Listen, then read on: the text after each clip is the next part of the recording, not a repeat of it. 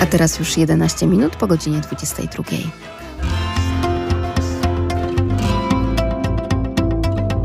My, rodzice.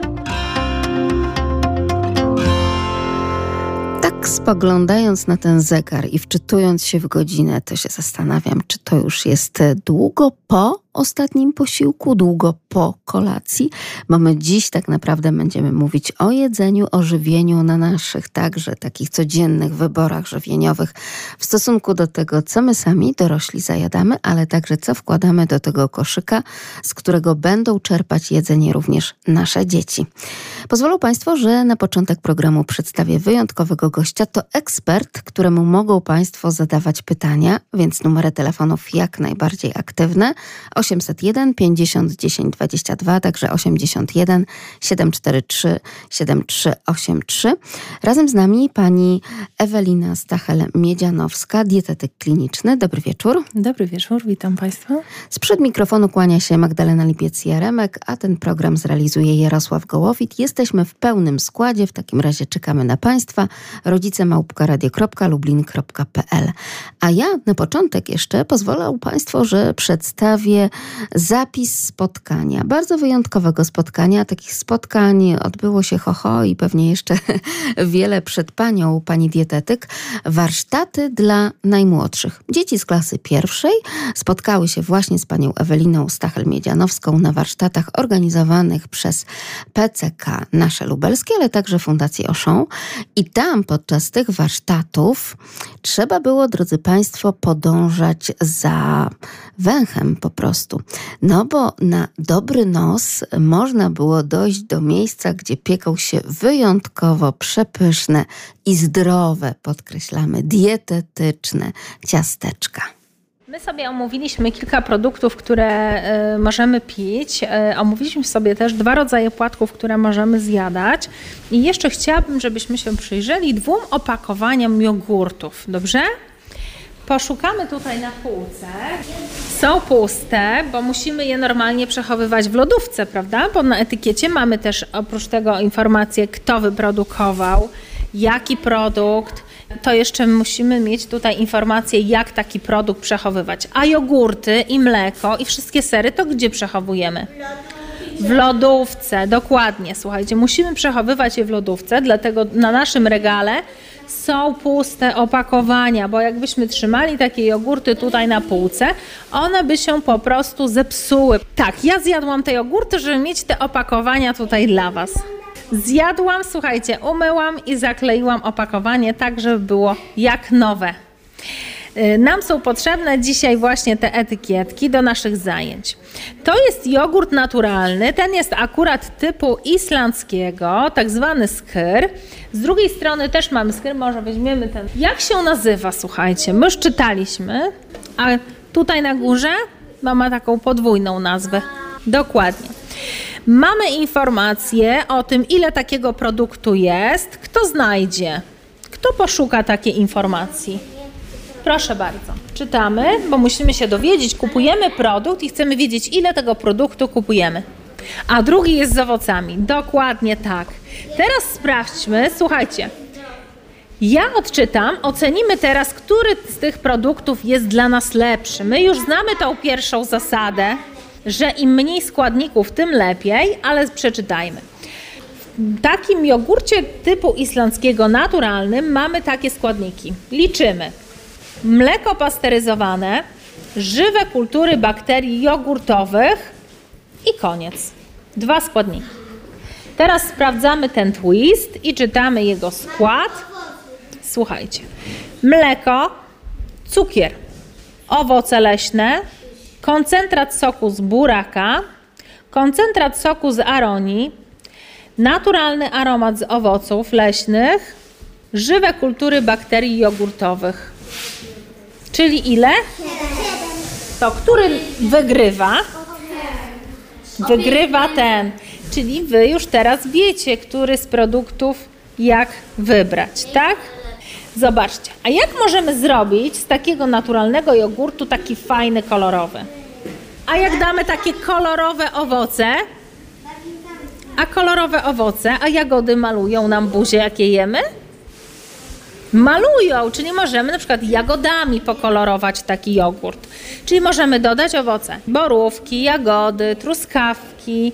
Jakie jeszcze jogurty mogą być o smaku bananów? Możemy dodać banany. Lubicie? Możemy dodać banany. Możemy do takiego jogurtu naturalnego też dodać płatki, jeśli lubimy. I dodajemy oczywiście płatki coś więcej, ale także to wszystko, co ma związek z naszym zdrowiem. Muszę pani powiedzieć, że bardzo wdzięczną ma pani pracę i to zajęcie edukacyjne, czyli edukowanie najmłodszych do tego zdrowego żywienia. I tutaj to się sprawdza, bo dzieci po powrocie z takich warsztatów, zresztą z bardzo wielu zajęć edukacyjnych, od razu próbują do domu przenosić te dobre nawyki i wtłaczać niejako rodzicom, dorosłym, dziadkom, opiekunom wszystkie te zasady. Więc nie wiem, czy pani zdaje sobie z tego sprawę, ale nam rodzicom, y, no, dodała pani chyba podwójnego czasu spędzania w sklepie, wtedy, kiedy jesteśmy na zakupach z dziećmi, bo to wygląda tak, że nie, nie, teraz stoimy, bierzemy po kolei każdy produkt i czytamy. I ile tutaj jest tych składników i na paluszkach tam po kolei, prawda, który wygrywa.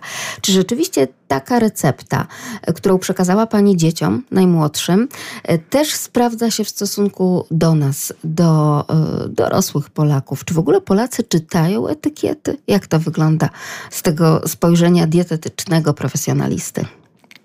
Oczywiście jest to recepta dla każdej osoby niezależnie od wieku. I tak y, tutaj w przypadku dzieci i w przypadku dorosłych y, będzie ona obowiązywała. E, moim zdaniem, y, według doświadczenia, pewne zasady, które są nad wyraz proste, są najbardziej skuteczne. E, to jest tak, jakbyśmy chcieli łowić wiele ryb, ale jak złowimy jedną dużą, to po prostu mamy z tego e, więcej radości. I tak samo jest z żywieniem. Jedna konkretna zasada, ale przestrzegana jest y, bardziej y, dla nas korzystna. W przypadku y, wybierania produktów o krótszym składzie, to jest korzyść y, bardzo duża. Ograniczamy mnóstwo dodatków, ale też y, dzięki temu ograniczamy y, produkty, które są wysoko przetworzone. Generalnie im więcej dodatków dodanych jest podczas produkcji, tym więcej procesów musiało nastąpić. To niestety wpływa na jakość ostateczną. Często duża ilość składników wiąże się z wymaganiami e, dotyczącymi trwałości takiego produktu, a to wymaga e, niekiedy dodania dodatkowych konserwantów, e, przeciwutleniaczy, które zabezpieczą nam ten produkt na dłużej.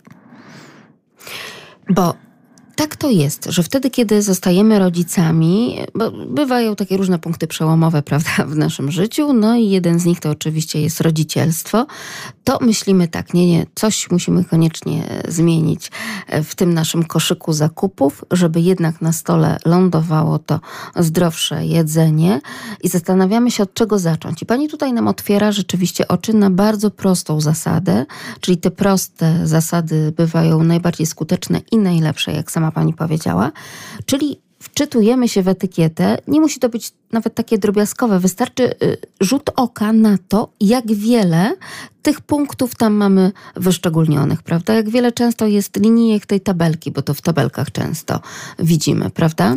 Tak, to jest bardzo istotne. Mm, generalnie na takiej liście składników mamy często y, różne nieznajome nazwy. Możemy no słynne prostu... nasze E, tak? Tak, słynne Wielu nasze e. poradników także dla mam specjalizowało się w tym, że próbowało nam rozszyfrować te E. Na przykład sugerując, że nie każdy to jest sama chemia szkodliwa, tak? Że pod niektórą nazwą kryją Oczywiście. się rzeczy po prostu naturalne.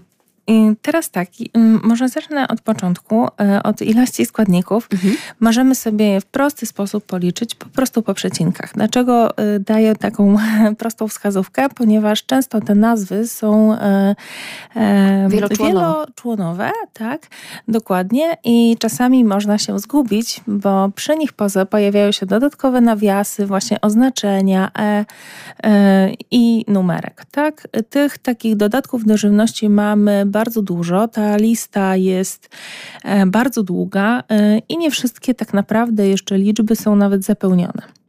Czyli są jeszcze miejsca na takiej liście dodatków e, na takie związki, które jeszcze nie są obecne. Natomiast e, takie dodatki dzielimy na, na różne grupy w zależności od funkcji, jaką one w ogóle mają spełnić w żywności. I tak jak Pani wspomniała, nie zawsze jest tak, że wszystko dla nas jest złe. E, pierwsza rzecz, e, która jest bardzo istotna, to jest prawo żywnościowe, które mm, określa zasady stosowania tych dodatków. I mamy określone wartości maksymalne, jakie mogą być zastosowane w danym spożywczym na podstawie badań. Możemy to oczywiście sprawdzić, bo to są publikacje europejskie.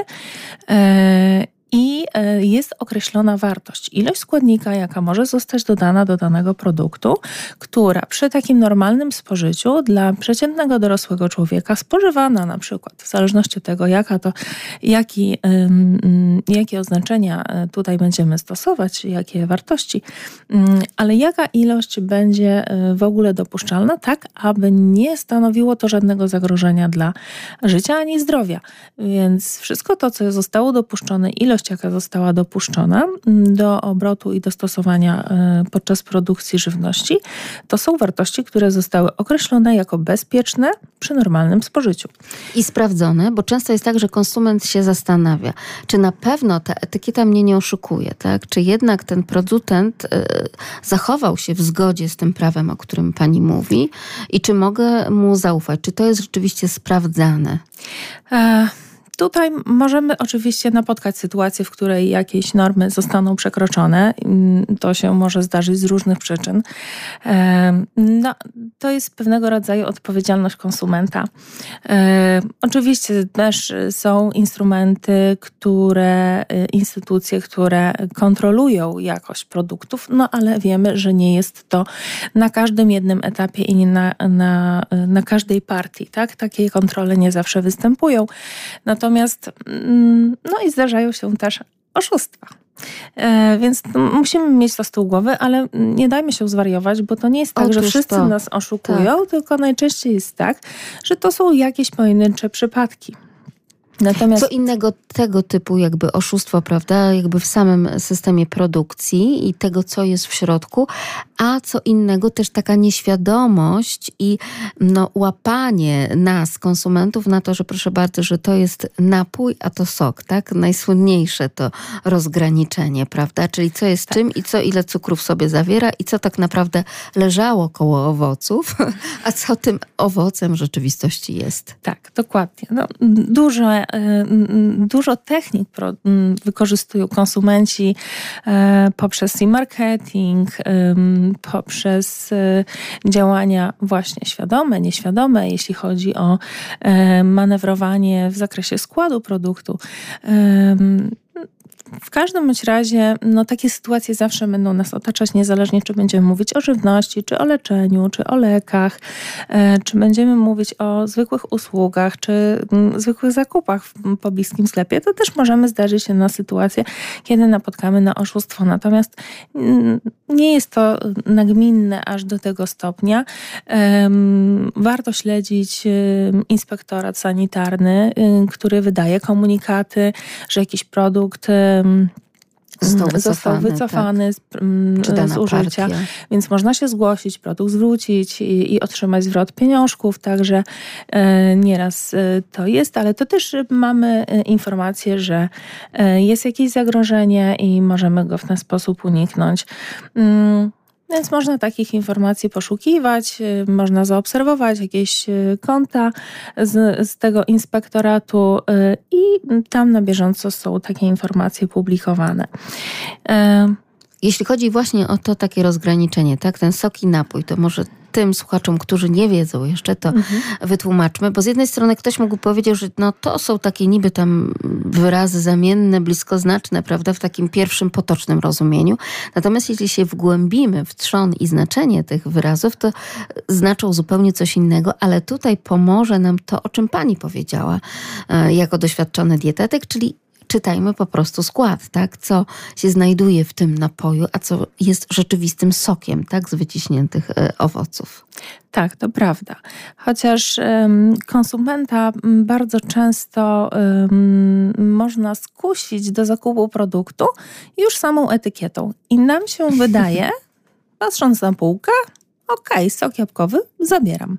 W domu się okazuje, że kupiliśmy jakiś nektar, albo zupełnie jeszcze inaczej kupiliśmy napój, e, który już nie jest tym sokiem, My mamy różne napoje, produkty płynne do picia.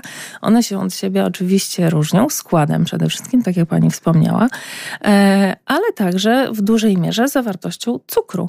E, I to jest bardzo istotne. O ile może zacznijmy od tego, to jakie są grupy i, i jak je usystematyzować, tak, mamy oczywiście woda, która jest bezwonna, bezsmakowa i, dobra w każdej ilości.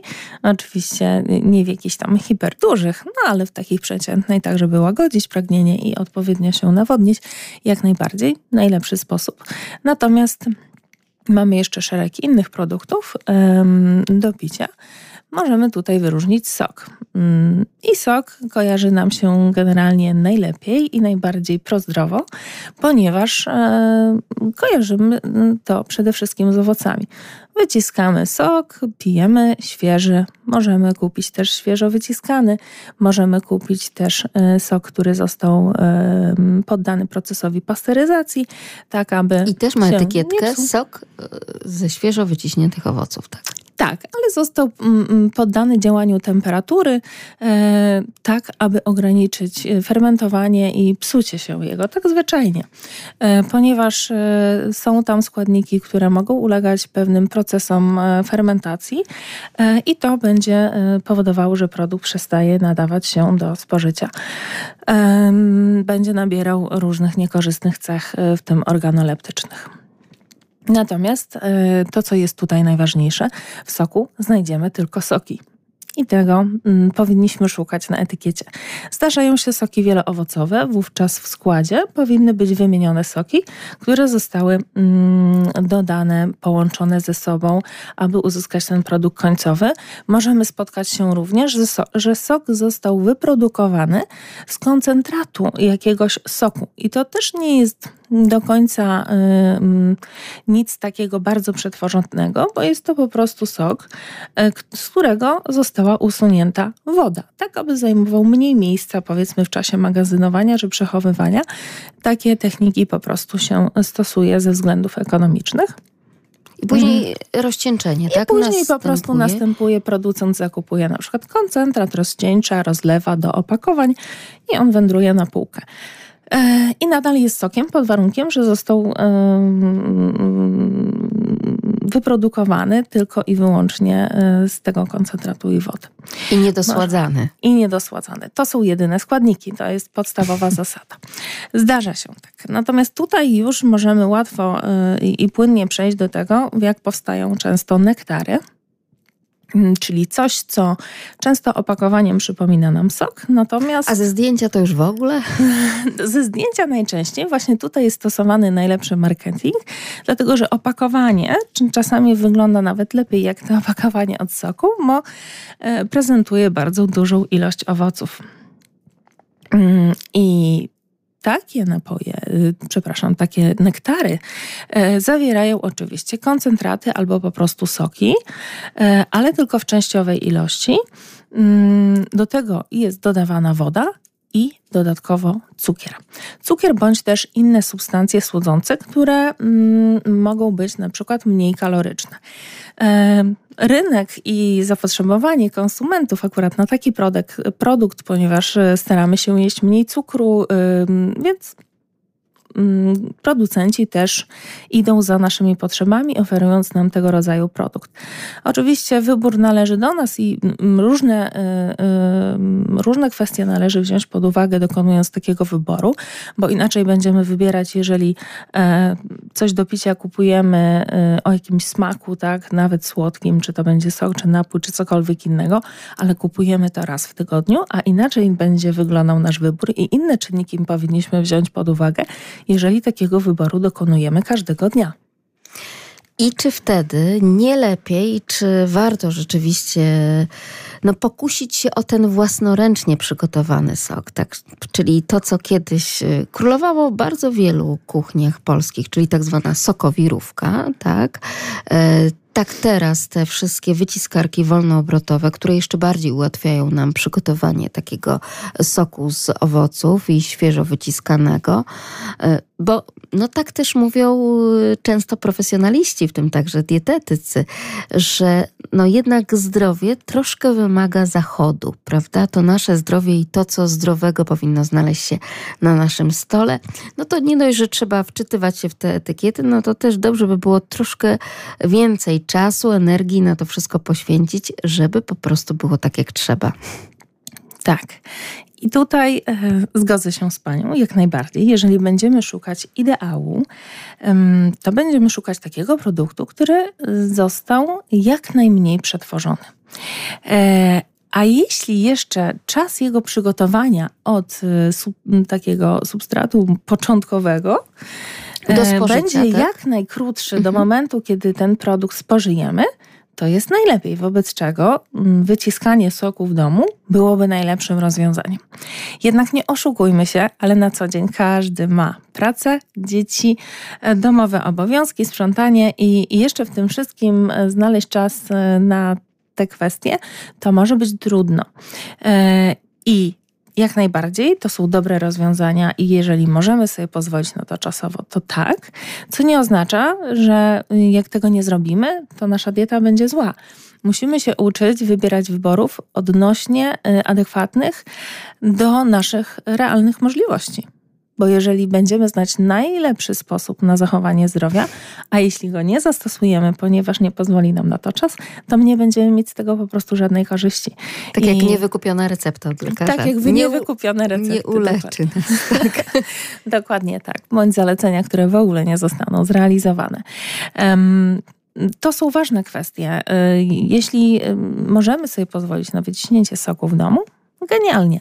E, nie ma w tym e, absolutnie nic trudnego, poza tym, że musimy mieć jakieś tam urządzenia do tego oczywiście, tak jak Pani wspomniała, tak, wyciskanie soku, sokowirówki, wyciskarki, to są oczywiście dwa różne urządzenia i dają produkt też różnej jakości pod względem, mm, pod względem e, jakości, bo różne sposoby tego wyciskania tutaj mamy co wpływa na efekt taki ostateczny.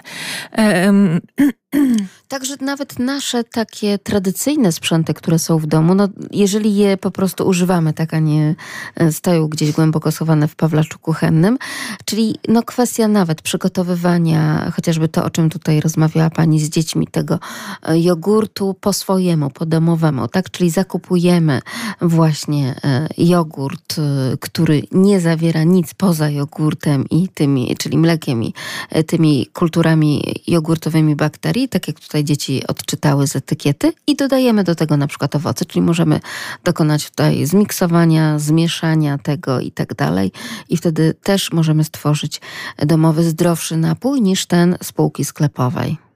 Tak, jak najbardziej. My y, kupując właściwie produkty najmniej przetworzone, możemy w warunkach domowych Y, odtworzyć wiele takich, które zostały bardzo przetworzone, natomiast my we własnym zakresie nierzadko nawet y, w krótkim czasie jesteśmy w stanie zrobić coś często nawet bardziej smacznego, a już na pewno bardziej wartościowego.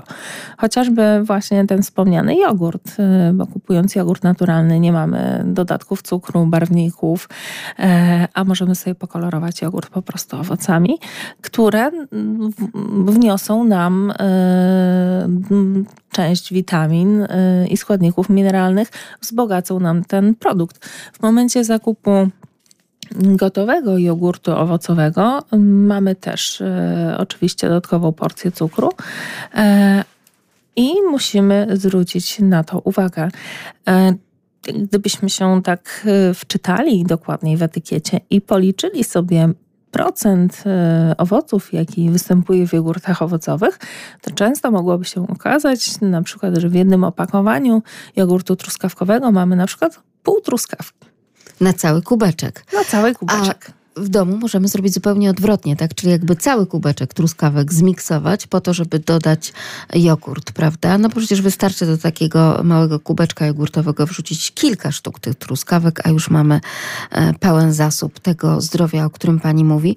Ja szanuję pani, y, to, jak pani mówi o tym, że no nie każdy ma czas, możliwości zrobić i tak dalej. Wiadomo, że to kształtowanie na nowo nawyków y, tych zdrowych, żywieniowych to nie jest nic prostego, ale czasami, kiedy jednak już właśnie skusimy się, że jednak nawet stanie ta sokowirówka czy, czy, ten, czy ta wyciskarka do soków i nawet jeżeli to będzie przygotowanie chociażby w ten weekend, tak, te, tego soku dla rodziny, dla dzieci, to chyba to też ma swój cel i sens. Jak najbardziej. Takie działania zawsze są uzasadnione, jeżeli staramy się we własnym zakresie przyrządzić, przygotować jakiś produkt sami, bo mamy wtedy najwyższą jego jakość w porównaniu do tych, które są przetworzone. Przetworzone produkty to te, które mają mnóstwo składników, najczęściej nam bardziej, bardziej smakują, e, czy chętniej zjadają je dzieci, często też również dorośli. Natomiast to jest ta skłucha, która nas gubi, e, a my jednak potrzebujemy e, troszeczkę zdrowego rozsądku. Ja nie jestem zwolennikiem. Mm, podejścia 0,1 do żywienia, bo ono się po prostu najczęściej nie sprawdza. E, trzeba szukać takich rozwiązań, które są po prostu możliwe do zrealizowania. I to będzie miało sens. Więc w takim razie zerknijmy jeszcze na tą niekoniecznie nawet cukiernicę, bo cukiernice o dziwo zniknęły z naszych stołów i kuchni w większości. Co nie oznacza, że zniknął cukier.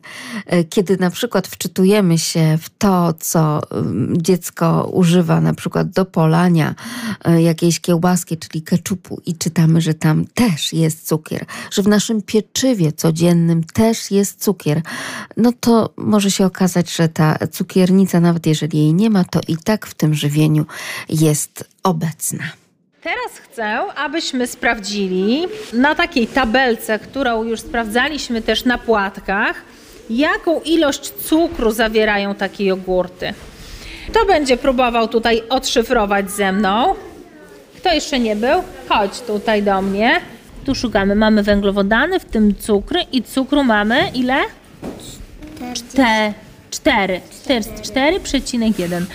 Jest różnica 4 gramy cukru i 10 gramów cukru. To dużo?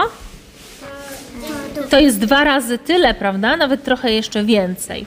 I zobaczmy. W takim produkcie cukru jest dwa razy mniej. I tutaj mamy 150 gram. Gdybyśmy sobie policzyli, to będzie 6 gram cukru. A jak wypijemy taką dużą butelkę jogurtu owocowego, to tego cukru spożyjemy no prawie, prawie 40 gram. Czyli tutaj mamy półtorej łyżeczki na całe opakowanie, a tutaj aż 8 prawie łyżeczek. To jest duża różnica. Bardzo duża różnica. Zobaczcie, czasami nawet objętość opakowania i jeszcze jak weźmiemy sobie taki jogurt owocowy i będzie on w takim dużym opakowaniu, to okazuje się, że ta ilość cukru cały czas rośnie i niestety mamy go w żywieniu coraz więcej. Więc możemy wybrać, tak? Z napojów, co do picia, wybraliśmy wodę. Dopuszczalna jest dla nas ta woda z dodatkiem soku, ale nie z cukrem, tak? Potem wybraliśmy płatki. Jakie wybraliśmy płatki? Mniejsze zielone, jak one się nazywały, przypomnijcie mi. O, jak się nazywały? Owsiane, dokładnie. I wybraliśmy te płatki, ponieważ są pełnoziarniste, co oznacza, że zostały wyprodukowane z całego ziarna zbożowego, łącznie z łuską, która, która zawiera wszystkie witaminy i minerały. To może tak, ja będę wyjmowała, dobrze? E, może zdejmiemy fartuszki żeby sobie powoli się rozbierały, miały zajęcia. Pierwsza A. Ja mam nadzieję, że o tej porze pierwsza A to już śpi, bo pewnie jutro na rano do szkoły będzie się e, wybierała, ale przepiękny wykład, bardzo ciekawa opowieść pani dietetyk. Ja tylko przypomnę, że razem z nami w studiu Ewelina Stachel-Miedzianowska, dietetyk kliniczny, o tym, jak to prawda trzeba sobie obliczyć, ile to tych łyżeczek cukru znajduje się w danym produkcie, a tu nagle delikatny brzęczyk o tym, że ciasteczka już są gotowe. Warsztaty są świetne, bo to pani podejście do dzieci to podejście po prostu poprzez praktykę, czyli nie tylko czytanie tych etykiet, ale właśnie wspólne pieczenie ciastek. Jak powstawały te ciasteczka i czy rzeczywiście dzieci dają się przekonać do tego, żeby taką zdrową mieszankę upieczoną potem na przykład wziąć do kanaperki do szkoły i to właśnie tym się posilić i to doda energii, doda tego skoku także e, tak cukru cukru w organizmie, podniesie ten poziom i wtedy no, zupełnie inaczej się pracuje i uczy. Oczywiście potrzebujemy energii do tego, żeby nasz mózg pracował. Jeśli chodzi o, o podejście dzieci, e, ich odczucia wobec e, ciasteczek, które próbowali, ale też sami przyrządzani na tych zajęciach, mm, były bardzo dobre. E, I można by powiedzieć, e, jakbyśmy zaproponowali dzieciom, chcesz takie ciasteczko tutaj um, Czy kawałek z czekoladą, tortu? a może jednak, a może takie zdrowe, to oczywiście wybierze to, które jest niezdrowe. Natomiast jeżeli nie zapytamy, i damy do spróbowania, to znaczy są świetne. E, ale, ale bo są, bo to przecież to pachnie, prawda? Natomiast, to też zachęca do jedzenia i ta struktura, o której pani mówiła. Tak, przede wszystkim ważne jest to, jakich składników użyjemy. I też prostota. Bardzo mało składników, bo, mm, bo możemy wykorzystać albo olej, albo masło. E, do tego nam dochodzi coś do słodzenia to nie zawsze musi być cukier. Mm, Czy to, to może, być, być miód? miód. Mhm. To e, w przypadku ciasteczek dla e, starszej populacji, dla dorosłych możemy wykorzystać ksylitol albo erytrytol, które są naturalnymi substancjami słodzącymi, natomiast prawie bezkalorycznymi. W przypadku ksylitolu, w przypadku erytrytolu w ogóle są bezkaloryczne. Natomiast wracając do dzieci, tutaj możemy zastosować albo mniejszą porcję cukru, albo w ogóle użyć samych daktyli i owoców suszonych, mm, albo po prostu miodu albo w ogóle nie musimy dodawać cukru, możemy tylko dodać więcej na przykład suszonych owoców.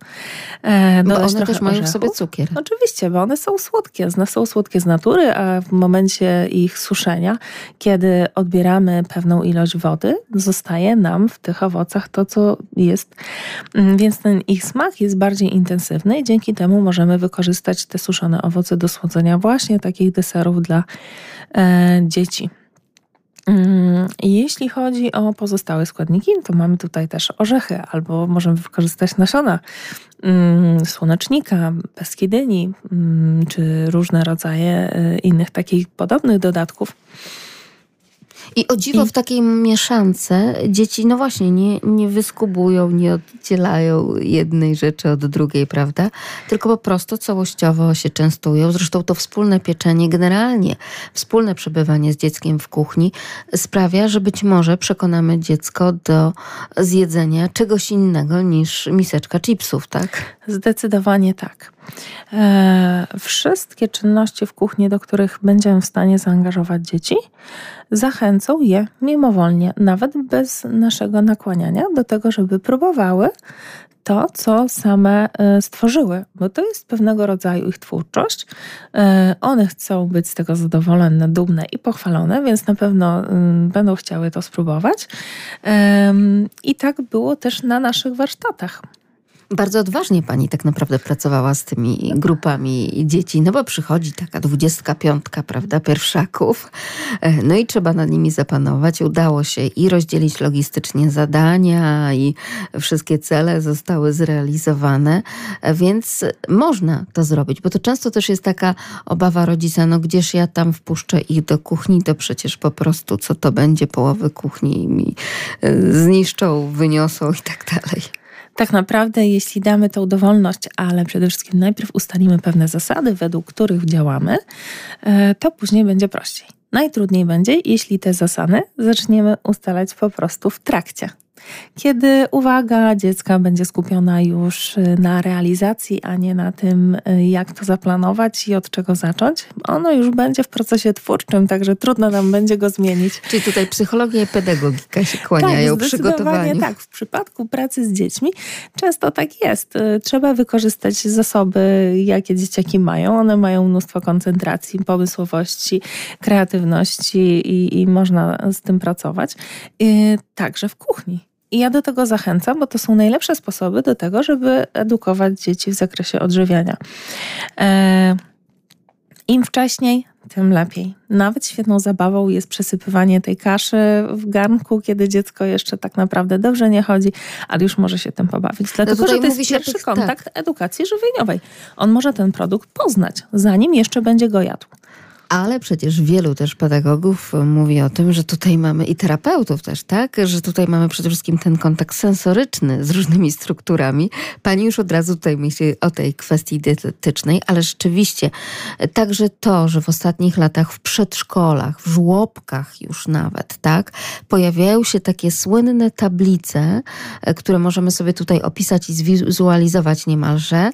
Czyli mamy różnego rodzaju smakołyki najczęściej stojące gdzieś na naszych półkach e, i później w naszych domach, czyli takie rzeczy jak batoniki, prawda, czekoladki, ale też i kwestie na przykład, nie wiem, puszki z najsłynniejszym ciemnym, słodkim napojem i tak dalej, i tak dalej, czy nawet właśnie z tym nektarem jabłkowym, o którym rozmawiałyśmy chwilkę wcześniej. I później mamy przyczepione na dole tych opakowań takie woreczki z cukrem. I ile tego cukru, dosłownie tego białego cukru właśnie z tej cukiernicy znajduje znajduje się w danym produkcie, prawda? I to chyba najbardziej działa na wyobraźnię. To działa też na wyobraźnię rodziców, którzy przychodzą na zebrania i siadają tak właśnie twarzą w twarz, również z taką tablicą, no, która łopatologicznie niemalże tłumaczy, co my tak naprawdę tym dzieciom wtłaczamy niemalże tak yy, codziennie i do plecaka, i później do ich brzuszków po prostu. Tak, to jest prawda. Jeśli e, spojrzymy wzrokiem e, dotkniemy, bo tutaj mamy szansę y, nie tylko zobaczyć, ale przede wszystkim dotknąć. E, czasami ta ilość cukru to jest cała nasza garść y, w zaledwie szklance jakiegoś napoju. Może tak być. E, I czasami ten cukier e, zwizualizowany w ten sposób daje nam do zrozumienia, że spotykamy duże ilości, często tam, gdzie się go w ogóle nie spotykamy, a już na pewno w tak dużej porcji to są e, takie mm, wizualne i sensoryczne właśnie spostrzeżenia, najbardziej chyba na nas działające, jeżeli chodzi o wybory żywieniowe, bo my tak naprawdę apetyt e, mamy na wzrok e, i wtedy mm, mamy na coś ochotę i to w ten sam sposób działa u dzieci. Cukier to też jest taki produkt spożywczy, z którym mamy problem dosyć duży i, i bardzo wcześnie on się zaczyna, mm, ponieważ smak słodki zaczynamy rozpoznawać już w życiu płodowym, czyli w momencie, kiedy dziedziuś e, nie jest mały, nie cieszymy się z nim na, nim na co dzień, tylko wtedy, kiedy on jeszcze e, się kształtuje w brzuchu mamy.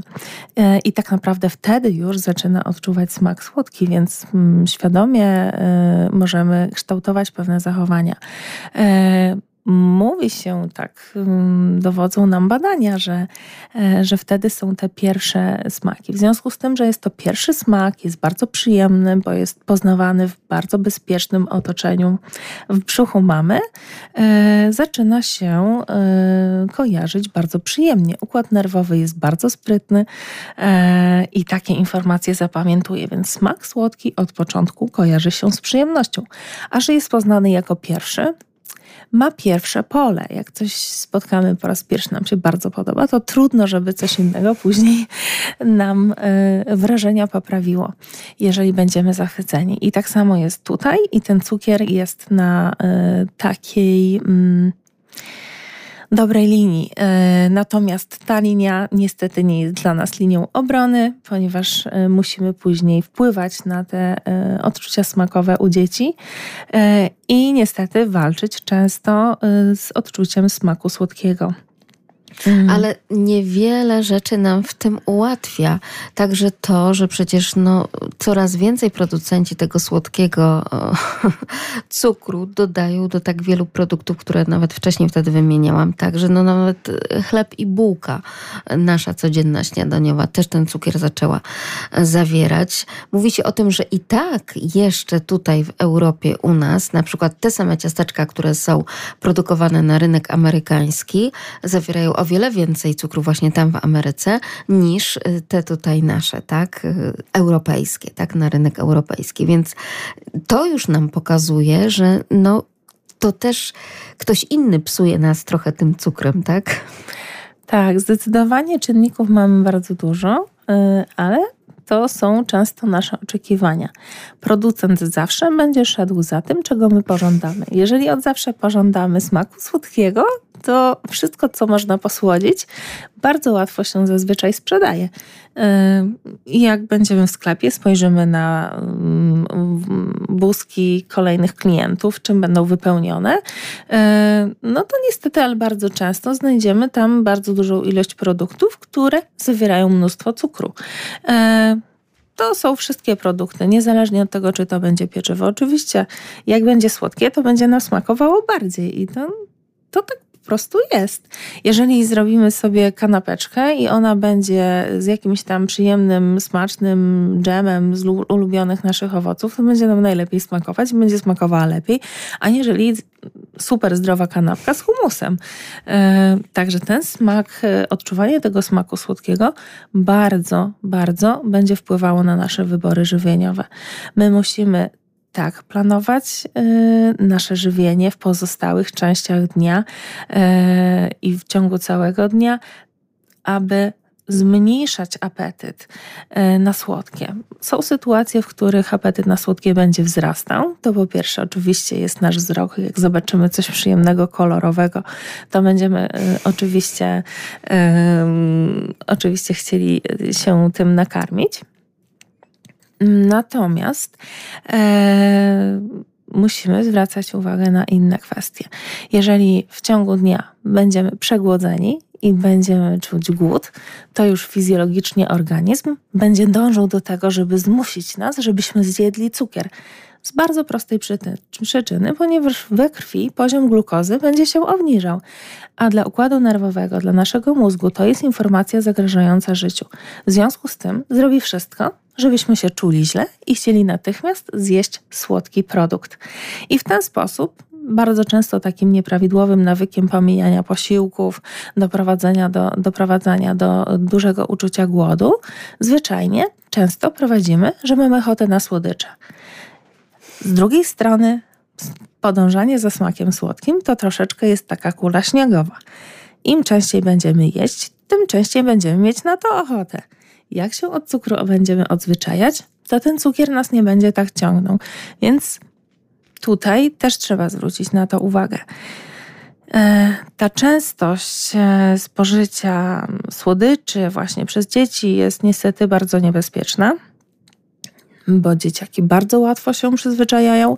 One mają zupełnie inny odbiór e, rzeczywistości i takich e, kwestie rozwoju, choćby takiego psychologicznego e, i fizjologicznego dzieci będziemy tutaj nawet wciągać, to musimy wziąć pod uwagę, że dzieci nie mają mm, takich zasobów jak człowiek dorosły, wiedzy, doświadczeń. One będą wybierać bardzo prosto bardzo intuicyjnie. Dobre? Biorę. Kolorowe? Biorę. Więc jak będzie dużo takich różnych, weźmy sobie tort dla dziecka. On będzie kolorowy, we wszystkich kolorach tęczy, z różnymi kolorowymi misiami e, i, i, i będzie produktem po prostu pożądanym, który będzie ładny, kolorowy, wygląda smacznie i chętnie zjem. I dzieci nie będą analizować różnych Mm, kwestii odnośnie tego, czy coś jest zdrowe, czy nie. U nich decyzja po prostu jest dużo szybciej. Natomiast możemy na to reagować. Im wcześniej zaczniemy z dziećmi pracować, rozmawiać o żywieniu, tylko nie na zasadzie, słuchaj, to jest niezdrowe, to jest nie, to jest nie, to jest nie, będziemy wszystko negować, to będziemy uzyskiwać zupełnie odwrotny e, efekt. Nasz mózg, zarówno, zarówno dorosłego, jak i y, małego y, dziecka, mm, nie lubi komunikatów w stylu nie i nie lubi zakazów. My nie lubimy, jak ktoś nam czegoś zakazuje po prostu. My lubimy wybierać i mieć dowolność, więc jeśli e, w rozsądny sposób pozwolimy dzieciom dokonywać dobrych wyborów, oczywiście po drodze uposażając, im w, e, uposażając ich e, w odpowiednią wiedzę i odpowiednie narzędzia do tego, żeby dokonywać dobrych wyborów, to na pewno osiągniemy efekt osiągniemy, o ile będzie też taka możliwość, no bo tak dużo mówiło się chociażby o tym, że e, te słynne sklepiki, prawda, szkolne, no i chcieliby rodzice zobaczyć zdrową żywność w takim sklepiku szkolnym, ale informacja od najemcy jest taka, że no ale jeżeli ja nie będę sprzedawać gum, e, słodkich ciasteczek i wszystkiego, co po prostu aż lepi się od cukru, no to po prostu nie będzie się opłacało wynajmować ten sklepik szkolny w szkole.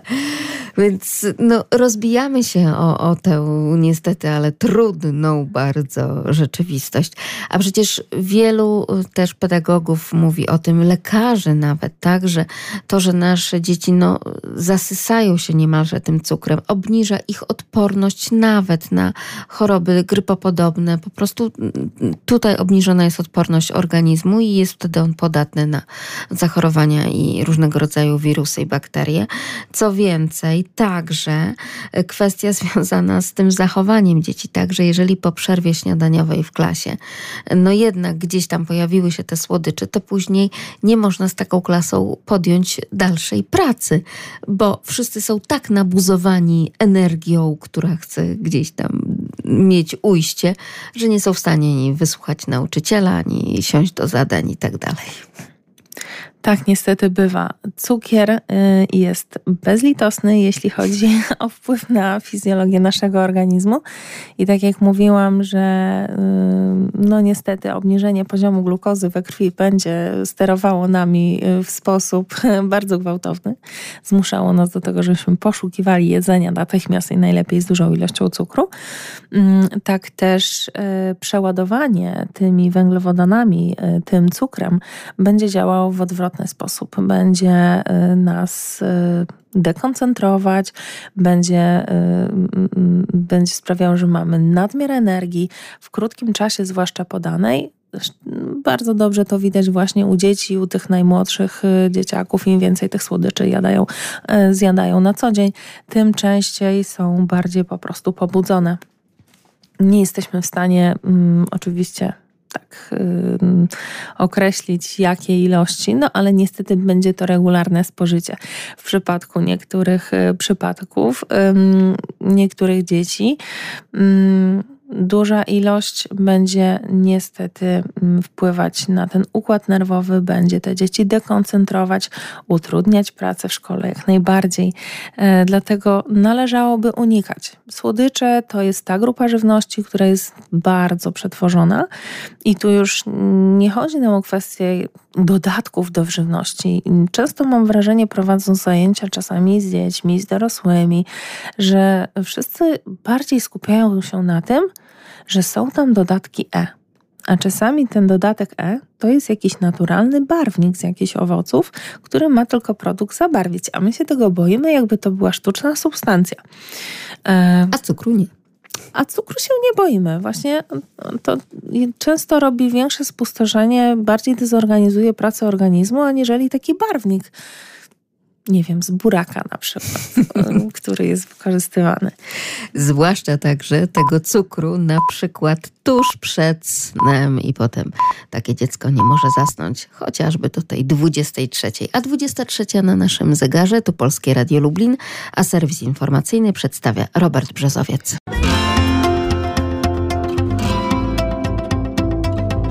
My, rodzice. My, rodzice, w drugiej godzinie naszej audycji, nadal z wyjątkowym gościem, dietetyk kliniczny Ewelina Stachel-Miedzianowska, ekspert, który tak naprawdę pomaga nam żyć. No i troszeczkę wskazuje, że nie trzeba zbyt wielkich, drastycznych zmian wprowadzać w nasze życie, a czasami takimi drobnymi kroczkami potrafimy zdziałać więcej dla zdrowia własnego i naszych dzieci, na czym nam najbardziej zależy, i całej rodziny.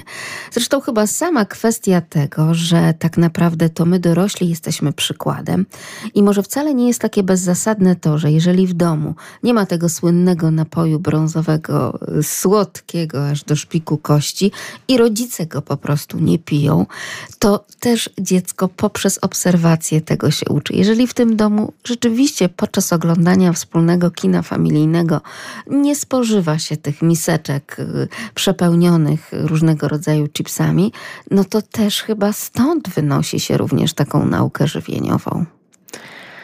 Jak najbardziej. Rodzice to jest dla dzieci wzór. No więc jeśli obserwują, to najpewniej będą też naśladować.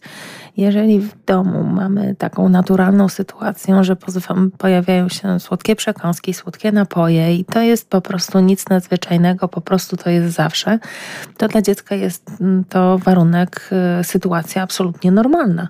I ono nie będzie mm, czuło potrzeby zmiany, bo to jest taki standard. Mm, jeśli my sami jako dorośli nie będziemy tych wzorców y, kształtować we właściwym kierunku, no to niestety dzieci będą naśladować to, co będziemy robić my jako rodzice, bo my jesteśmy y, najlepsi dla nich na świecie. Więc jak mama powie, że coś jest takie, y, to dziecko też będzie tym, tym torem podążało. I warto te nawyki żywieniowe i wpływać na te nawyki, na kształtowanie nawyków żywieniowych już od najmłodszych lat. Jak najwcześniej. Tak naprawdę. Mm, to do końca drugiego roku życia mamy najwięcej szans do wykorzystania, aby wykształcić odpowiednie nawyki mało. żywieniowe. Strasznie mało, ale w tym okresie można zrobić jednak najwięcej.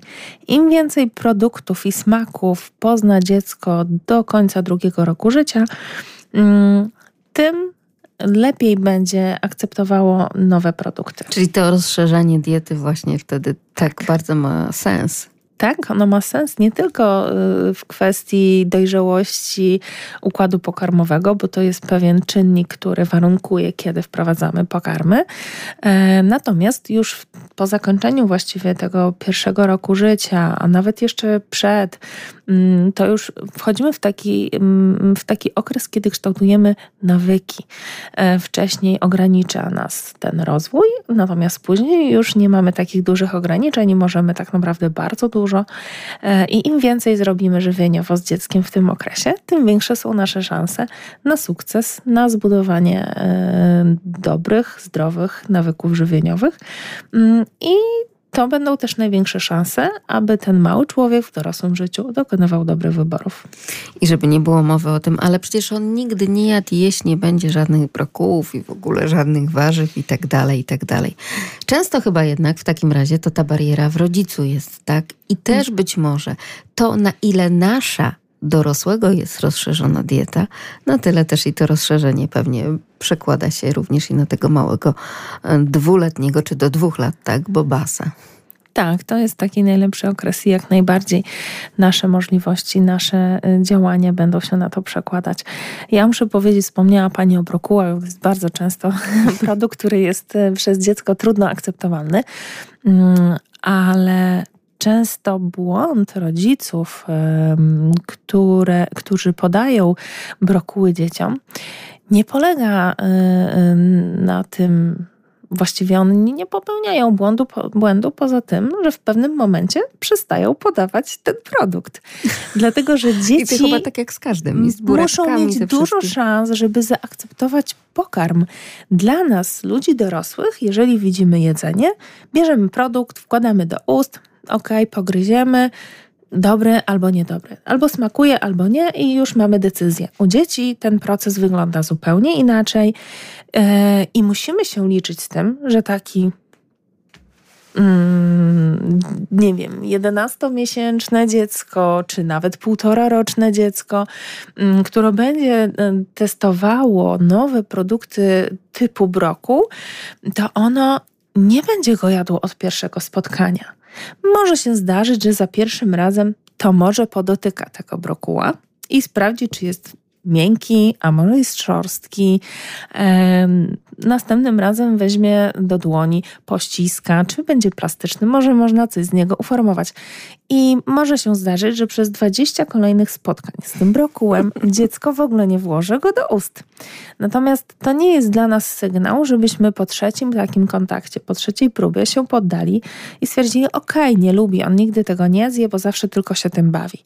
Nie, on się bawi po to, żeby poznać ten produkt, bo chce zobaczyć, jaką ma strukturę, czy jest miękkie, czy jest plastyczne, czy można coś z tym zrobić, e, jak można to wykorzystać. Mm, zapach. To jest kolejny etap, bo najpierw będzie e, poznanie sensoryczne, takie e, z dotykiem, natomiast później będzie kwestia jeszcze zapachu, a dopiero na koniec próbowanie smaków.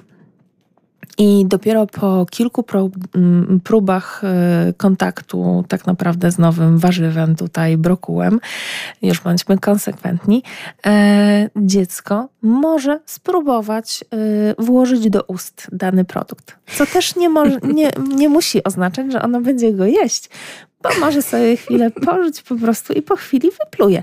Ale to nadal jest kolejna szansa i na następnym etapie zdarzy się, że okej, okay, no dobrze, już widziałem na swoim talerzu. Mówię teraz jakby mm, mm, z, z perspektywy poziomu, dziecka. Z perspektywy dziecka, oczywiście. Okej, okay, było na talerzu już 20 razy, tak? Całkiem fajnie się tym bawiło. Konsystencja całkiem jest okej. Mm, pachnie no, zapach jest nowy, ale okej. Okay.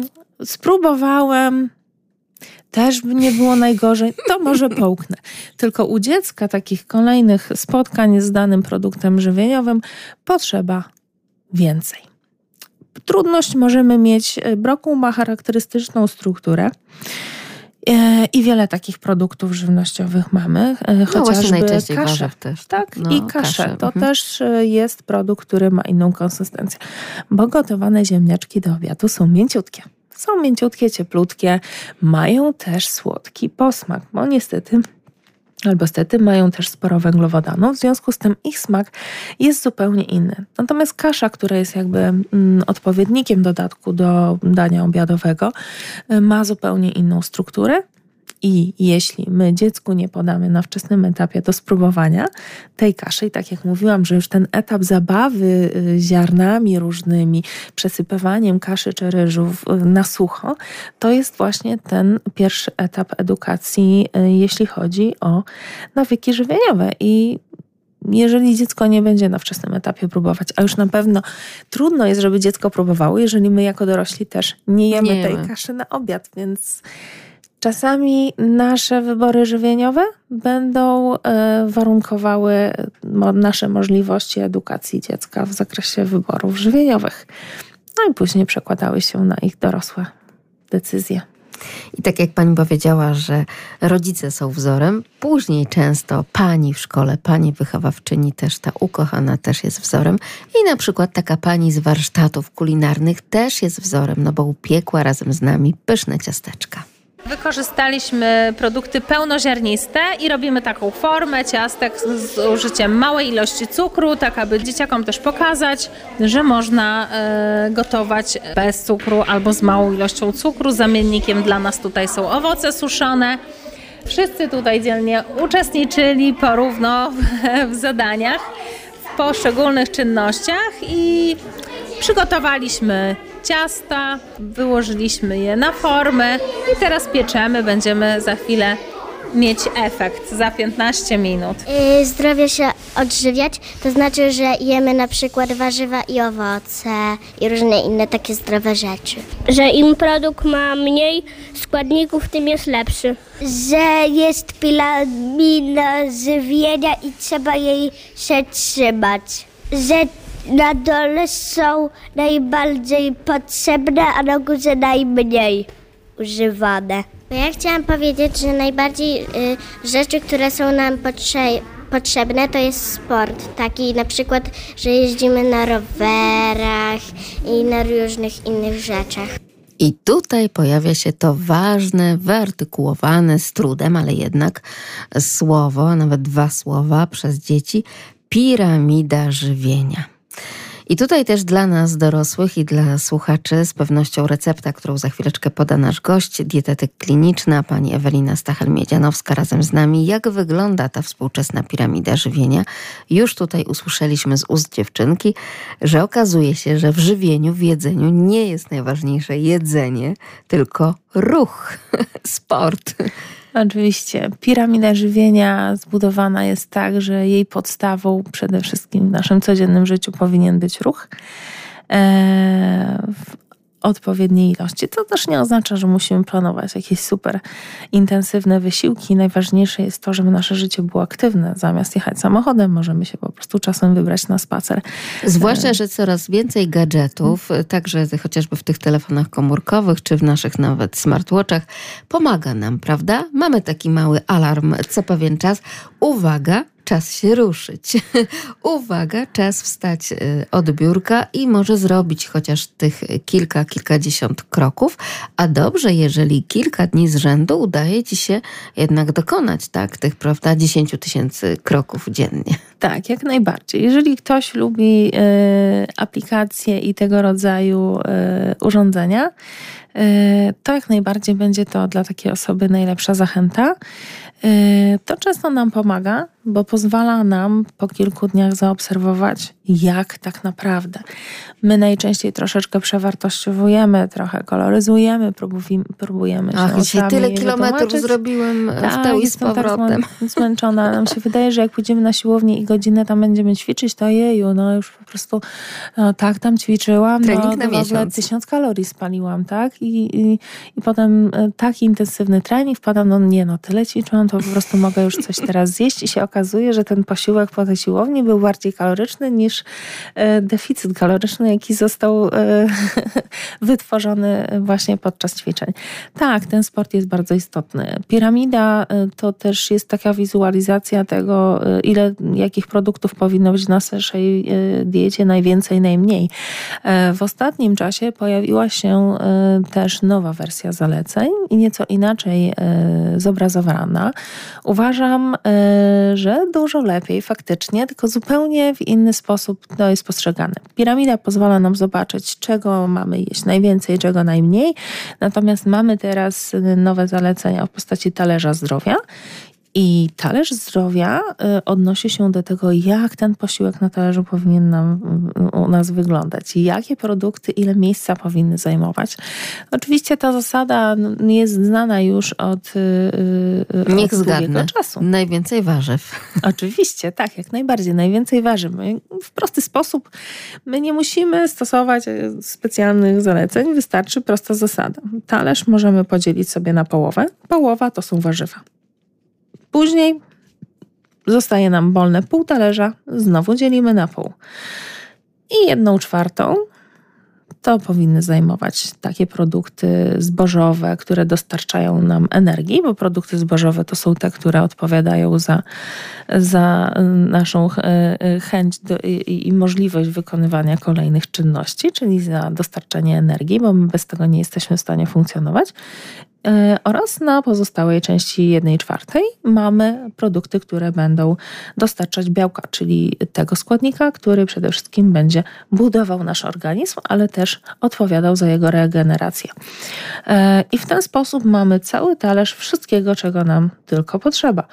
Oczywiście w jakichś mniejszych przekąskach, posiłkach e, powinny się e, pojawiać także owoce. No w ten sposób możemy zbudować sobie drugie danie obiadowe, możemy stosując się tą zasadą ugotować nawet zupę, możemy tą zasadą zrobić nawet super deser. Kwestia jest tylko tego, z jakiej grupy, jaki składnik tutaj sobie e, wybierzemy na dany posiłek. To zależy tak naprawdę od nas i tymi prostymi zasadami jesteśmy w stanie dokonywać lepszych wyborów. I tak jak mówię, tu nie jest kwestia wybierania y, i, i, i kierowania się jakimiś drobnymi, y, bardzo skrupulatnymi zasadami, y, często trudnymi, wymagającymi, a mm, rozwiązania prostsze po prostu są łatwiejsze do zastosowania i jest większa szansa, że nam się to uda.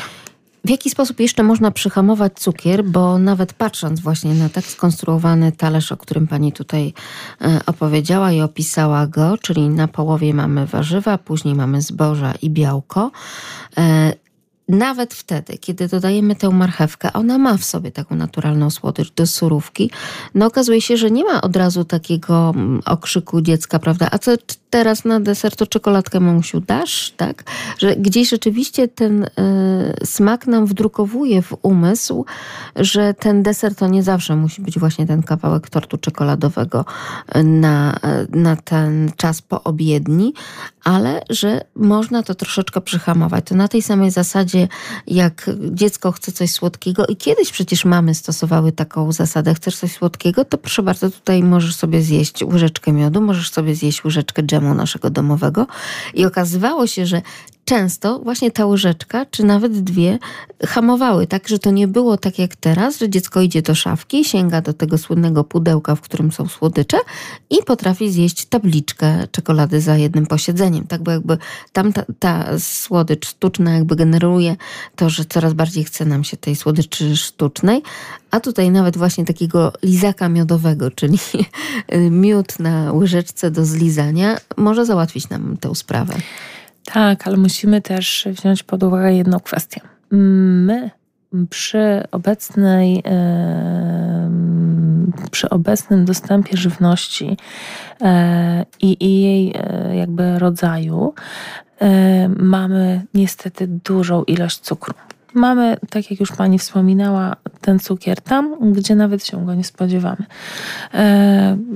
to tak jakbyśmy nie spodziewali się soli w ciastkach jest jej tam bardzo dużo. I tak samo jest z tym cukrem. Mm, tutaj w przypadku obecnego odżywienia w tych czasach to jest też kwestia, co my jadamy na te główne posiłki, bo od tego będzie zależało to, jaki będziemy mieć poziom cukru, e, glukozy we krwi. To jest jedna rzecz. A z drugiej strony musimy wziąć pod uwagę, ile tego cukru my faktycznie będziemy zjadać nie tylko w posiłku, ale też w międzyczasie.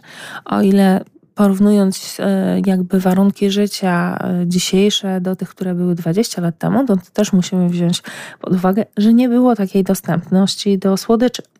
może 20 lat temu e, to też była różnica, ale jak weźmiemy sobie pod uwagę okres 40 lat temu, to warunki były zupełnie inne. Ale to widać, Mieliśmy... kiedy oglądamy nawet dawne kroniki filmowe i pokazana jest na przykład polska ulica, albo nawet fotografie z tych lat minionych, to pierwsze, co nas już teraz tutaj, teraz współcześnie w Polsce zaskakuje, to to, jak szczupli byli ci ludzie, bez względu na wiek, e, prawda?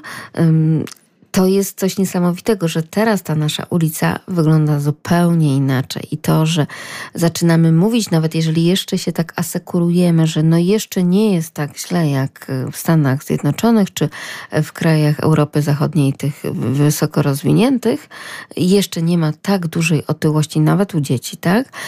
to mimo wszystko my też już inaczej wyglądamy, niestety. Jak najbardziej warunki życiowe zmieniły się bardzo. E, I tak jak e, nasi dziadkowie, powiedzmy, e, nawet jeżeli spożyli obfity posiłek, tak, y, taki, po którym mogli czuć się nawet przejedzeni, to oni jednak e, korzystali częściej e, ze środka transportu w postaci własnych nóg. Chodzili pieszo. To jest bardzo proste, proste rozwiązanie i Plus wytłumaczenie. Rower. Plus rower. Autobusy były mniej dostępne w dzisiejszych czasach mamy samochodów y, często dwa, a nawet cztery na jedną rodzinę, y, a kiedyś często nie było żadnego i trzeba było się w większej y, części dnia przemieszczać innymi środkami, co wymagało też większej aktywności fizycznej. I to są były zupełnie inne warunki. Tylko teraz nawet nie zwracając, bo taki argument, a ktoś wcześniej nie zwracał w ogóle kiedyś, nikt nie zwracał na to uwagi, wszyscy funkcjonowali, a dzisiaj nagle to jest problem. Tak, dzisiaj nagle to jest problem, bo my zapominamy, że warunki życia się zmieniły, nasz styl życia się zmienił, natomiast my musimy też do tego dostosować warunki żywieniowe. A warunki żywieniowe idą w drugą stronę, czyli tak jakby tracimy dwie szanse. Z jednej strony mamy mniej ruchu, a z drugiej strony mamy większą dostępność do jedzenia.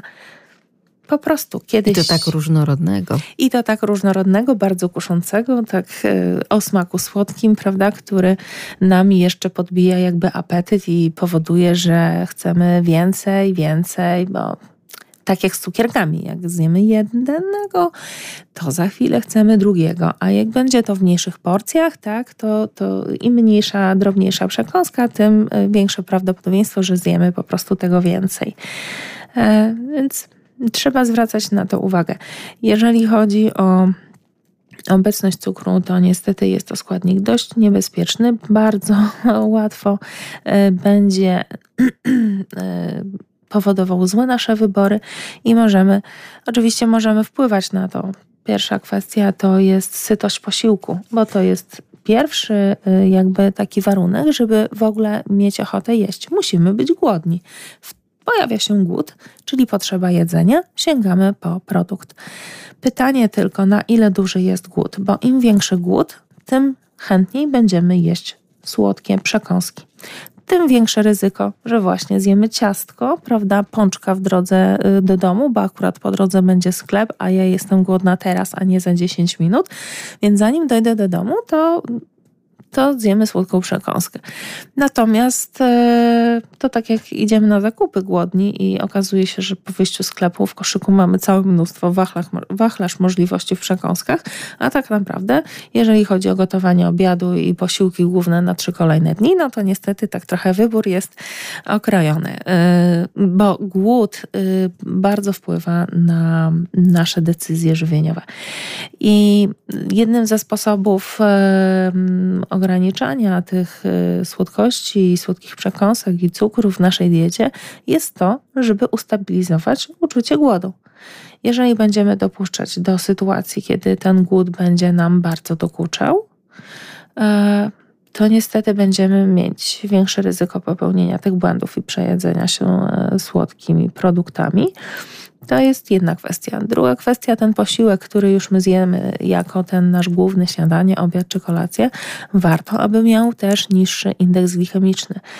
To oznacza, że taki posiłek nie powinien się składać tylko i wyłącznie z produktów węglowodanowych, co oznacza na przykład nie powinniśmy jeść na przykład y, samych owoców w dużej ilości jako pojedynczy posiłek, bo niestety to może się później y, y, objawić w większym apetycie i na kolejne słodkie przekąski. Żeby uzyskać niższy indeks glikemiczny, E, co oznacza, że po spożyciu danego posiłku poziom cukru, poziom glukozy we krwi będzie narastał zdecydowanie wolniej, a jeśli ten wzrost będzie powoli, to też nie będzie nagłych spadków. Jeżeli później poziom glukozy po jedzeniu nie będzie się drastycznie nagle obniżał, nie będzie prowokował yy, chęci na pojadanie kolejnych porcji słodyczy. Także to jest też kwestia, ten właśnie niski indeks glikemiczny diety, który mówi nam, jak zareaguje organizm na zjedzenie danego posiłku, danego produktu tak naprawdę, bo mamy jeszcze drugą, e, drugą cechę pro, posiłków, ładunek glikemiczny, który odnosi się już do całości, e, do całości naszego e, posiłku. Indeks glikemiczny możemy odnieść do pojedynczego produktu. Ładunek glikemiczny będzie takim, y, taką cechą dla całego produktu, dla całego posiłku, przepraszam. Y, I im niższy ten ładunek glikemiczny, tym lepiej. W ten sposób y, ładunek glikemiczny obniżyć możemy, jeśli na przykład do naszego posiłku włączymy produkt, który dostarcza białko.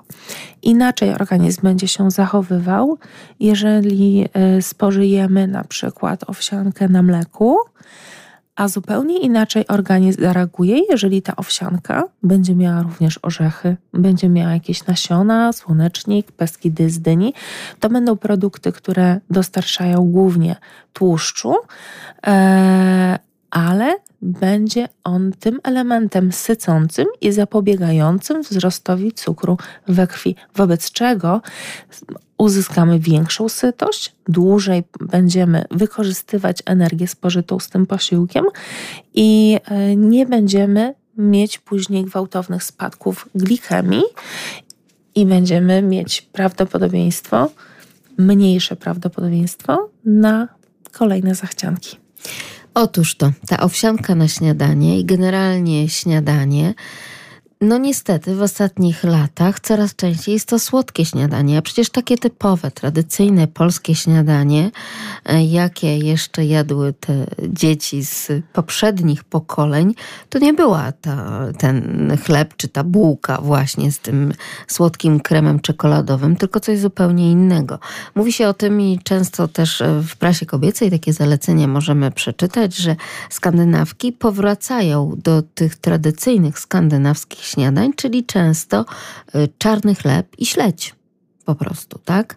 Y, z różnych względów też tutaj te kwestie zdrowotne, ale właśnie, że wtedy, kiedy jemy to przesłodzone śniadanie, to po pierwsze tylko na krótko mamy tę energię, a po drugie wcale tak dobrze w ciągu dnia później nie czujemy się y, jedząc słodkie śniadanie. I mam tutaj na myśli po prostu to najprostsze śniadanie, najczęściej podawane dzieciom przed wyjściem do szkoły, tak? O ile w ogóle, bo to też często taki błąd, że nie podaje się na przykład wtedy, kiedy dzieci do przedszkola e, wyjeżdżają, czy właśnie do szkoły, że nie podaje się śniadań w domu.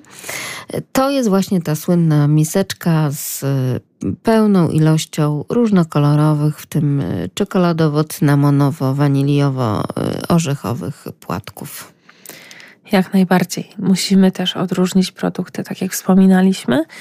E, musimy rozsądnie ten posiłek nasz zbudować jeżeli mówimy o samo pojęcie, jeżeli rzucimy sobie hasło płatki z mlekiem, to jak zapytamy 20 osób, to każda sobie wyobrazi to zupełnie inaczej.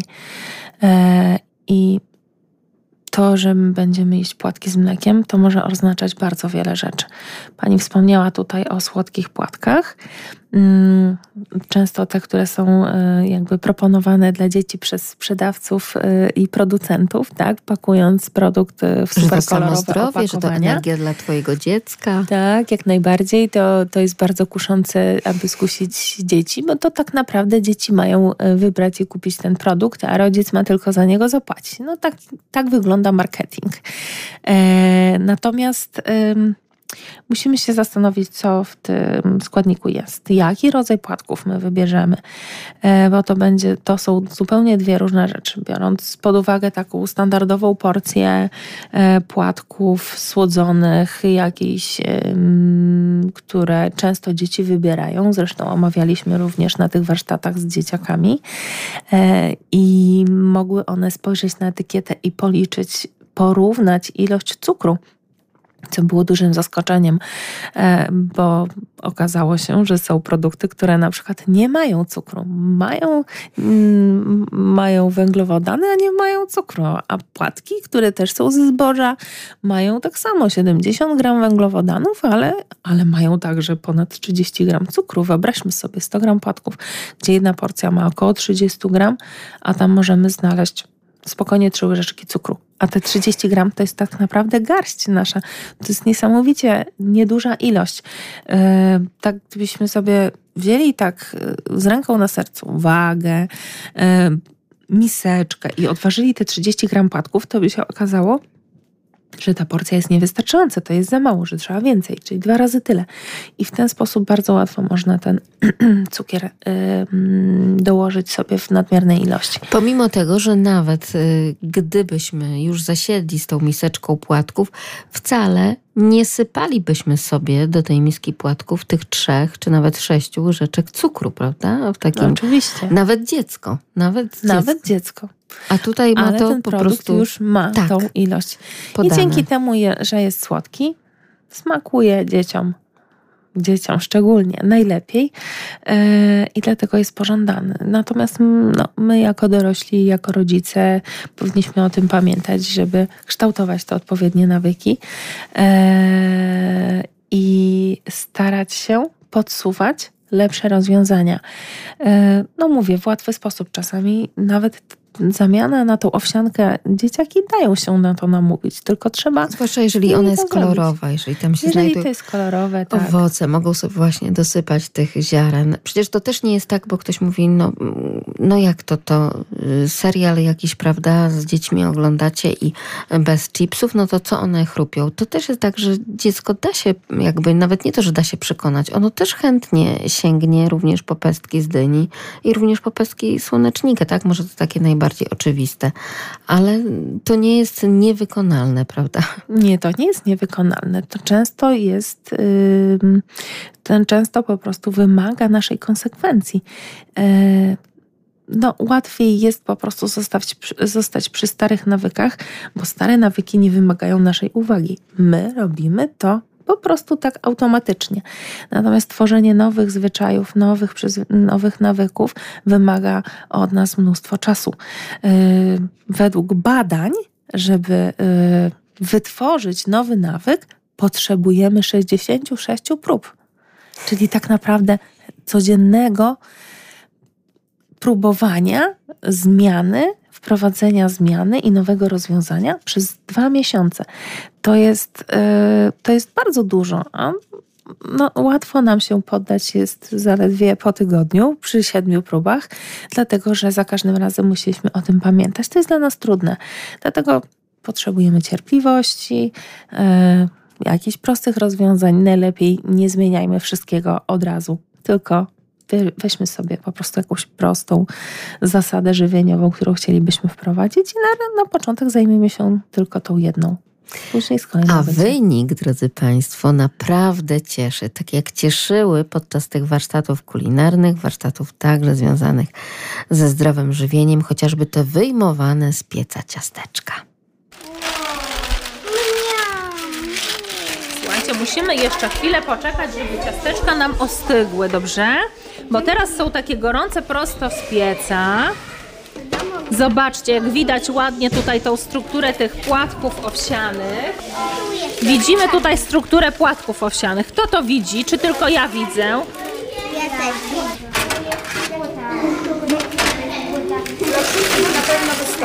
Wystarczy. Myślę, że nawet po dwa ciasteczka. A czemu nie po 14? Sobie tam położę sobie na kanapie. I możemy trzymać nawet tydzień. I im się nic nie dzieje, tylko musimy je szczelnie zamknąć. I później takie ciasteczko zdrowe można sobie wziąć do śniadaniówki, do szkoły na przykład. Musimy chwilkę poczekać, słuchajcie, bo jest gorący. Proszę pani w domu. No też można w termomiksie wymieszać, jak najbardziej. Tak, Liwier, później. Uwaga, uwaga, to gorące. No. Przesunęło. Dobrze. To co? O, sama się oparza zaraz. Chodźcie, zaniesiemy to do stołu. Przypomnijcie mi proszę, jeśli pamiętacie, jakich my produktów wykorzystaliśmy, jakich produktów użyliśmy do przygotowania tych ciastek. Jajek. Płatków owsianych. Jakby orzechów. I jeszcze Żurawinę. żurawinę.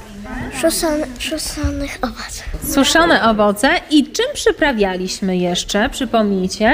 Cynamonem. Były też bakalie, tak.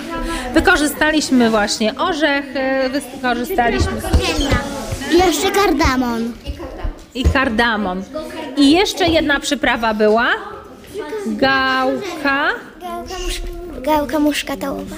Tak jest.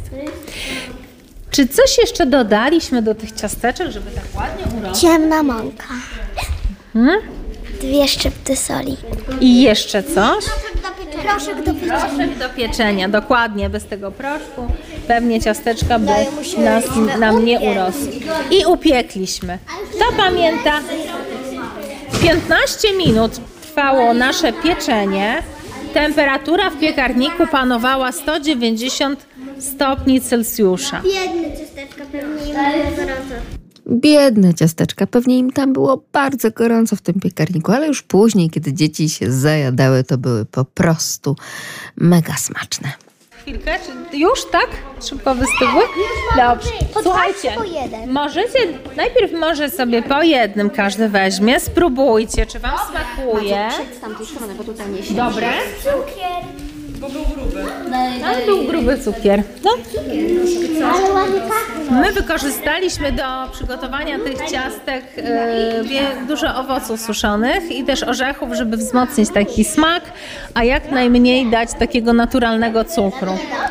I to jest taka zdrowsza przekąska, zdrowy, zdrowszy zamiennik dla tego, co możemy kupić e, w sklepie. Niestety tych słodyczy jest w sklepach bardzo dużo, coraz więcej i nie idzie nadążyć nawet nad tym wszystkim, natomiast e, szukamy tutaj, próbujemy przedstawić i poprzez właśnie degustację słodkie przekąski, ale w formie takiej zdrowszej. Dobrze. Bardzo dobrze i bardzo smaczne, a co więcej, tak, no najlepsze były takie recenzje, no nawet dobre, tak, czyli nie spodziewały się dzieci, że taka mieszanina, bo no podejrzewam, że no jeszcze tak te wymieniane oczywiście pestki słonecznika, pestki dyni, to tak, ale żeby tak żurawinę podgryzać, podjadać, to chyba raczej nie, babcia prędzej już, tak, niż To- takie kilkulatki. To różnie z tym bywa. Jeżeli takie produkty są przez rodziców świadomie wcześniej włączane, suszone owoce, orzechy jako Czy przekąski. też po prostu to, czym mówiliśmy, że po prostu przejadane tak w domu. Tak, i to Naturalnie. jest produkt regularnie występujący, to dzieciaki nie mają z tym problemu, o ile to się wcześniej pojawi. Gorzej jest, jeżeli te nawyki żywieniowe po prostu są w domach e, złe, no to niestety dzieci żyją tym samym. Ale mm, dając dzieciakom szansę na e, doświadczenia kulinarne, na degustację, na spróbowanie, a nie przymuszanie, czyli powodowanie sytuacji, w których to one decydują, to one tworzą, to są bardziej zachęcone, one chętniej, łatwiej samodzielnie podejmą decyzję. Okej, super. Mm, Na, tych, na jednych z tych warsztatów w jednej klasie był chłopiec, mm, który podszedł do mnie w zupełnie ci, ciszy gdzieś, y, mm, tak mówi cichutko, proszę pani. Ja się przejęłam, że coś się stało. Pytam, ale y, co się dzieje? Co się stało? Wie pani co? Bo te ciastka nie są smaczne. One są przepyszne. E, I to było naprawdę dla niego bardzo e, takie, podejrzewam, nowe spostrzeżenie. No odkrywcze. Faktycznie mu smakowało. Ja byłam na początku przejęta, no niesmaczne. No okej, może się zdarzyć. Byłam gotowa na udzielenie też odpowiedzi. Okej, możemy zrobić jakieś inne, może wtedy posmakują ci. E, Ale jednak te, te doznania były jak najbardziej jak najbardziej dobre. I te kulinarne doświadczenia z dziećmi w domu, y, kiedy możemy modyfikować przepisy, możemy dobierać składniki, dzieci czasami mogą nawet wybierać, co chcą dodać. Nie takie owoce, okej, nie chcesz takich, to jakie inne, wybierz sobie, masz to, to, to i to do wyboru. Więc dziecko, kiedy podejmuje samą decyzję, jest nam zdecydowanie łatwiej, bylebyśmy mu dały, dali taki wybór. E, im e, więcej prób będziemy podejmować, tym bliżej będziemy celu. Im prostsze rozwiązania będziemy wybierać, tym łatwiej będzie i nam, i, i, i dzieciom e, kształtować te nawyki żywieniowe we właściwym kierunku. To takie złote myśli, które z dzisiejszego spotkania z panią notujemy naprawdę skrupulatnie. 66 razy, czyli dwa miesiące tak naprawdę, jeśli chodzi o osobę dorosłą, żeby ukształtować nawyk. U dziecka z pewnością też tego starszego. No i jeszcze jedna ważna kwestia, ta dotycząca wprowadzania, rozszerzania diety i tego smakowania, nawet jeżeli ten słynny brokuł, czy jakikolwiek inny e, owoc, czy warzywo, po prostu nie poddawać się, tak? I że dziecko nie tak, że jak y, trzy razy nie spróbuje, to właśnie może te 66 i za 67 będzie smakowało i wtedy też będzie to wchodziło na ten talerz, a ten talerz to już pamiętamy jak dzielimy, niekoniecznie piramida, ale właśnie taki talerz, y, połowa talerza to warzywa, y, później ćwiarteczka to zboża i kolejna ćwiarteczka to białko, więc już mamy tutaj pełne rozłożenie, to jeszcze tak muszę Panią podpytać, jak na przykład wyglądał Pani dzisiejszy, o ile dzisiaj były zakupy spożywcze, taki koszyk zakupowy. Cóż takiego kupuje dietetyk? Dzisiaj akurat zakupów nie było. E, były kilka dni wcześniej. Ja często deleguję zakupy. No, nie lubię po prostu bywać w sklepach. E, natomiast, Nawet czytać tych etykiet. Tak, czytam. Oczywiście mam jakieś tam swoje sprawdzone produkty, ale nie zawsze, nie zawsze, nie zawsze bywam na zakupach. Natomiast e, może opowiem, co dzisiaj było w ciągu dnia do jedzenia. Śniadanie to akurat kanapka przygotowana w domu i pomidorki do tego, więc i warzywo, i jakieś węglowodany, czyli nasz produkt spożowy, i do tego był dodatek jajka, czyli też białko, czyli z naszego talerza właściwie wszystkie składniki. Później był obiad, yy, kasza, mm, warzywa, fasolka szparagowa i jakaś porcja białka w postaci mięsa, więc również kierujemy się tą zasadą, żeby wszystkie te trzy elementy tam się pojawiły. No i kolacja. E, co dzisiaj było na kolację? Przedłożyło się, bo wyjście do radia było. A proszę powiedzieć jeszcze kwestia e, tego, no bo nad tym też się często zastanawiamy w domu, szykując również dzieciom. Mówiłyśmy o tych różnego rodzaju sokach, musach, prawda, o tych smoothie y, robionych, modnych i to akurat dzieciom się podoba i to w jaki sposób im smakuje, tak kiedy potrafimy przemycić również te warzywa i owoce razem połączone. Y, czy rzeczywiście to mrożenie to jest najlepszy sposób przechowywania i zachowania e, witamin? E, jeżeli weźmiemy pod uwagę wszystkie możliwości, to tak. Poza e, takim naturalnym przechowywaniem świeżego produktu, tak? Jeżeli no, oczywiście, ale to... sobie w drugiej kolejności, tak. jeżeli chcemy sobie po pierwsze Ale bardziej myślę życie. o tym, że e, lepiej być może nawet teraz i nie chodzi tylko o cenę zawrotną, e, prawda, owoców na ryneczku mhm. czy, czy na jakimś naszym targu, prawda, czyli tych, które się pojawiły, no chociażby nawet tych polskich truskawek, tu nawet nie o to chodzi, tylko chodzi o, to, o tą wartość mimo wszystko tego produktu, który być może jeszcze jeszcze ciągle nie jest ani nasycony słońcem, ani nasycony tymi witaminami, tym wszystkim, co, co tak naprawdę jest zdrowe dla nas, więc może lepiej zdrowiej skorzystać jeszcze z ubiegłorocznego produktu zamrożonego. Jeżeli mamy możliwość przechowywania i mrożenia, to jak najbardziej tak. E, z jednej strony musimy wziąć pod uwagę, że w sezonie, po pierwsze, to jest w dzisiejszych czasach tańsza. Sezon trwa cały rok. Nie no, wszystkie produkty, bo na przykład truskawki to mają swoją sezonowość. Czereśnie, prawda, mają swoją sezonowość i wiele innych owoców także i warzyw też. I one są mrożone w sezonie, właściwie w szczycie sezonu, kiedy mają najlepsze warunki i najlepsze walory. I dzięki mrożeniu tracimy najmniej składników, tak naprawdę. Najbardziej takim procesem technologicznym, kulinarnym, który wykorzystujemy też w kuchni, który niszczy nasze składniki, e, nie nasze, a produktu spożywczego, jakiejś żywności, nas. tak, dla nas, który umniejsza nasze korzyści, to jest, są wszystkie y, y, procesy z wykorzystaniem temperatury. Im, Im będzie ona wyższa, tym większe będą straty. W związku z tym warzywa, które zostały zamrożone i możemy na przykład zrobić z nich y, sorbet, możemy je rozmrozić i zrobić z nich deser, one będą miały na pewno większe walory po pierwsze smakowe, a po drugie, jeżeli chodzi o wartość odżywczą, e, bo im mniej słońca, tak jak pani wspomniała, wcześniej, e, wcześniej nastąpił ten zbiór, te owoce mają nieco inne walory, chociażby smakowe, a im mniej słońca, tym także mniej tych składników.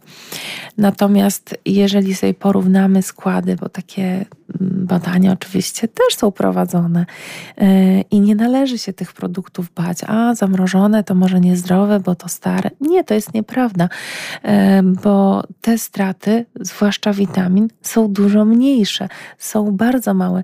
Niektóre związki takie biologicznie czynne, nawet podczas mrożenia, powstają dopiero. Mhm. Tak, i, i na przykład takie reakcje zachodzą między innymi w brokułach, e, które po mrożeniu mają na przykład niektórych związków jeszcze więcej. Mm, I możemy to wykorzystywać jak najbardziej. Takie mrożenie jest jednym z lepszych sposobów na przechowywanie żywności i też e, tańszych, tak? bo nie potrzebujemy całej linii technologicznej, żeby coś gotować, potem to opakować, a najlepiej w puszkę, żeby to jeszcze postało w magazynie rok czasu, prawda? Więc Albo i dwa lata. Te wszystkie kwestie musimy wziąć pod uwagę, tak.